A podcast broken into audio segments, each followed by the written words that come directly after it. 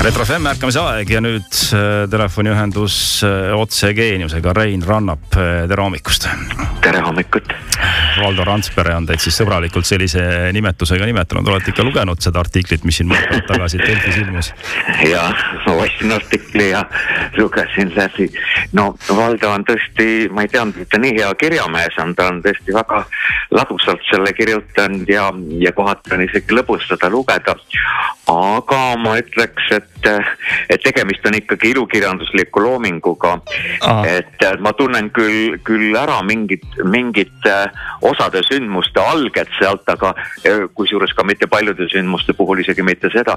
aga see, kuidas ta on kirjutanud, on ikka selline kirjanduslik fantaasia, et, et, et noh, tegelikkusega on seal ikka hästi vähe pistmist, ütleme nii. et see on selline sõbralik nöök, et selline ebaõnnestunud autojuhiks pidamine nagu mingit hingevalu ei tekita ei noh, see ei ole õige kõik, mis ta kirjutab, ma ütlen, ma mäletan seda kõike, kõik hoopis teisiti kõik hoopis teisiti ja noh, lihtsalt ma ei usu ka, et ta, et ta nüüd nii valesti mäletab, lihtsalt ta on mm. nagu ütleme poeetiliselt lasknud selle asja äh, voolama, nende mutrivõtmete lugu ma küll ei mäleta.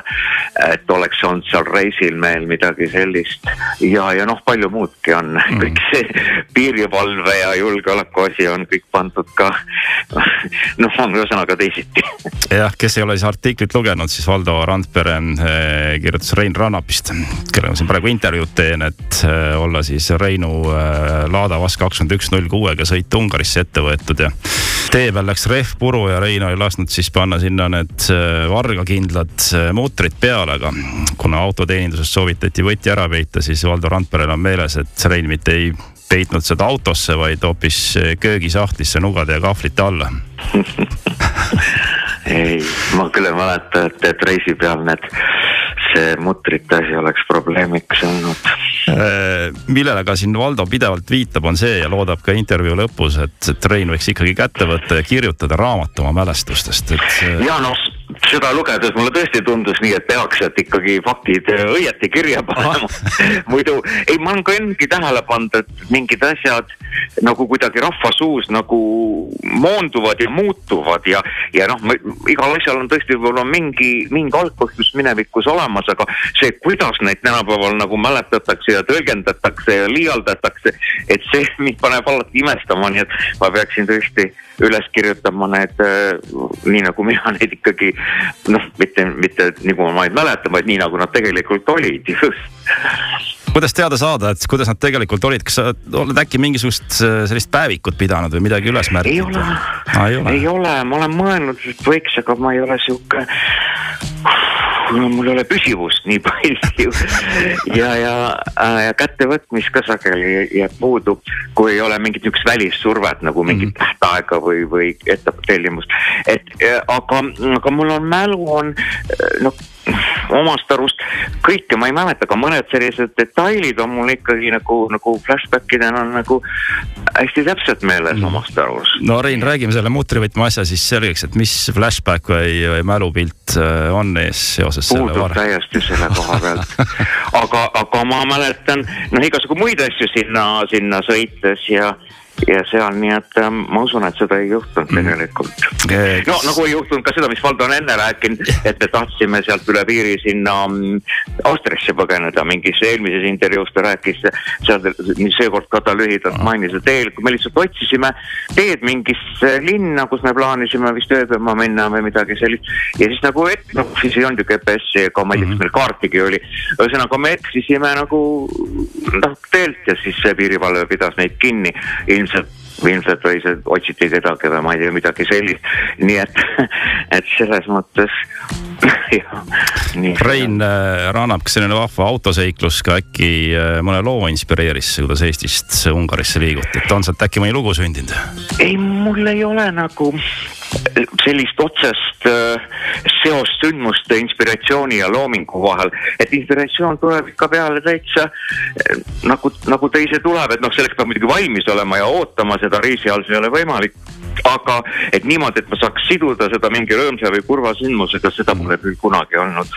Rein Rannapil kahekümnendal augustil suur kontsert äh, Tallinna Lauluväljakul. Äh, Ruja laulud äh, ERSO arranžeeringus. sel teemal kohe Reinuga intervjuud jätkan. retro FM hommikuprogrammi toetab Raha kakskümmend neli. raha kakskümmend neli, alati sinu jaoks olemas kahekümnes august äh, ja Tallinna äh, Lauluväljak. Ruja lood seekord siis äh, koos ERSO-ga, et see on, see on küll üks ilus asi, et kuidas sa, Rein, ise tunnetad paar nädalat enne suursündmust, et kuidas välja kukub? oi, ma arvan, et see kukub uhke, ettevalmistusi on ju tehtud pikalt ja, ja põhjalikult, ma ise olen ka kolm kuud istunud päevad läbi mm, arvuti taga ja teinud neid seadeid. Mm.. sest no kuigi ma enne olen ähm, natuke orkestrit kasutanud nende lugude saadetes, ütleme seal ähm, lauljatele saateks teinud ja laulupidudel, kui on need koorid on laulnud, siis ma olen teinud orkestri saateid sinna, aga noh, need ei ole, mm, need on alati olnud ainult laulusaated ja nad ei ole ka selgelt välja kostnud, noh eriti laulupeol see mitmekümne tuhande pealine koor ja mm, sajad mikrofonid, mis seal on, et see matab kõik ikka selle vaese orkestri sealt ära ja need noh, detailid ei tule sealt üldse läbi. aga noh, seekord äh, kõik need orkestreerimise äh, detailid ja nüansid ja värvid peaks tulema noh nagu esile, kuivõrd, kuivõrd vokaali ei ole, et, et see on noh, väga võimas asi, et ma olen küll mõelnud nende lugude mm, tegemisest sümfooniaorkestriga, aga noh, ise ma ei oleks julgenud küll seda kellelegi välja pakkuda, et äh, teha nagu terve kontsert äh, ainult pillidega, tähendab ilma lauljateta seda muusikat, aga noh, ilmselt äh, kui selline suurepärane ettepanek tehti, mis mind muidugi loomulikult vaimustas algusest peale, siis ilmselt leiavad teised ikkagi, et, et need meloodiad kannatavad ära ilma sõnadeta kuulamist terve kontserdi vältel. Ja nüüd muidugi orkestreerides ma olen andnud tõesti endast maksimumi, et, et need oleksid noh, hästi vaheldusrikkad ja, ja, ja, ja värvikad need orkestratsioonid. ma meloodiaid ei ole kuskilt muutnud, et seda ei mm. maksa muretseda, et tunne lugu ära.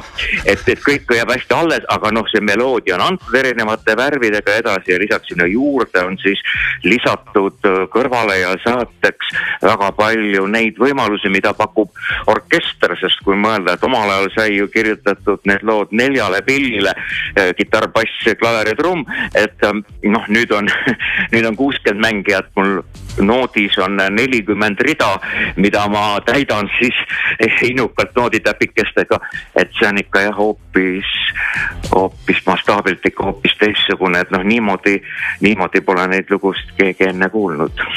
kas ma saan õigesti aru, et kaks nädalat enne suurkontserdi on asi veel paberil, et sellist läbimängu ja ühisharjutamist veel ei ole toimunud?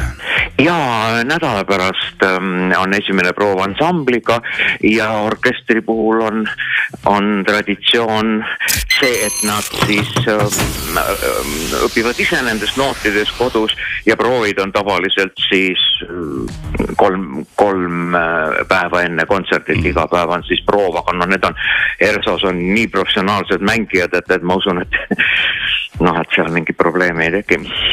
Rein Rannap, kas võib siis Valdo Randperele rahustuseks öelda, et kui see suur kontsert läbi on saanud, et siis kohe järgmise asjana hakkad raamatut kirjutama?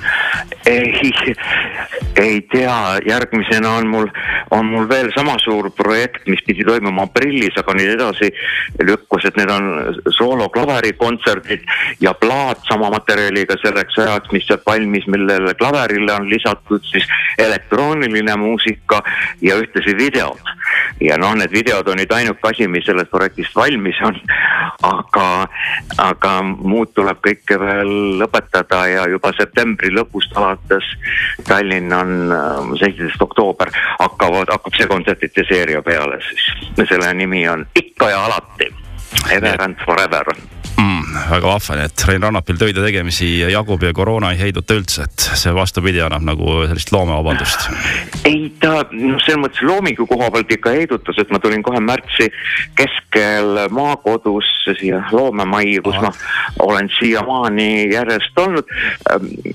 no ei ole mingit põhjust olnud siit ära minna ja, aga ütleme päris kevadel, kui see koroona oli, siis oli, oli tore oli küll niimoodi olla kohustustevabalt ja siin maatöid teha mm -hmm. maja ümber, aga, aga nagu, nagu loomingut ja inspiratsiooni see küll nagu ei soosinud, see teadmatus just, et kui kauaks ja mis saab projektidest ja üldse sellest äh, elust edasi, aga, aga noh, siis jah, juba, juba mais, kui käivitus nüüd see kahekümnenda augusti projekt, et siis, siis on niisugune inspiratsiooni kenasti ja noh, loomulikult on hea siin tööd teha üle arvuti loodusesse vaadates. No loodame, et see koroona ei tule siia suurte plaanide vahele ja kakskümmend august tõesti näeme Rein Rannapit ja Eesti Raadiosümfooniaorkestrit mängimas Roja hitte.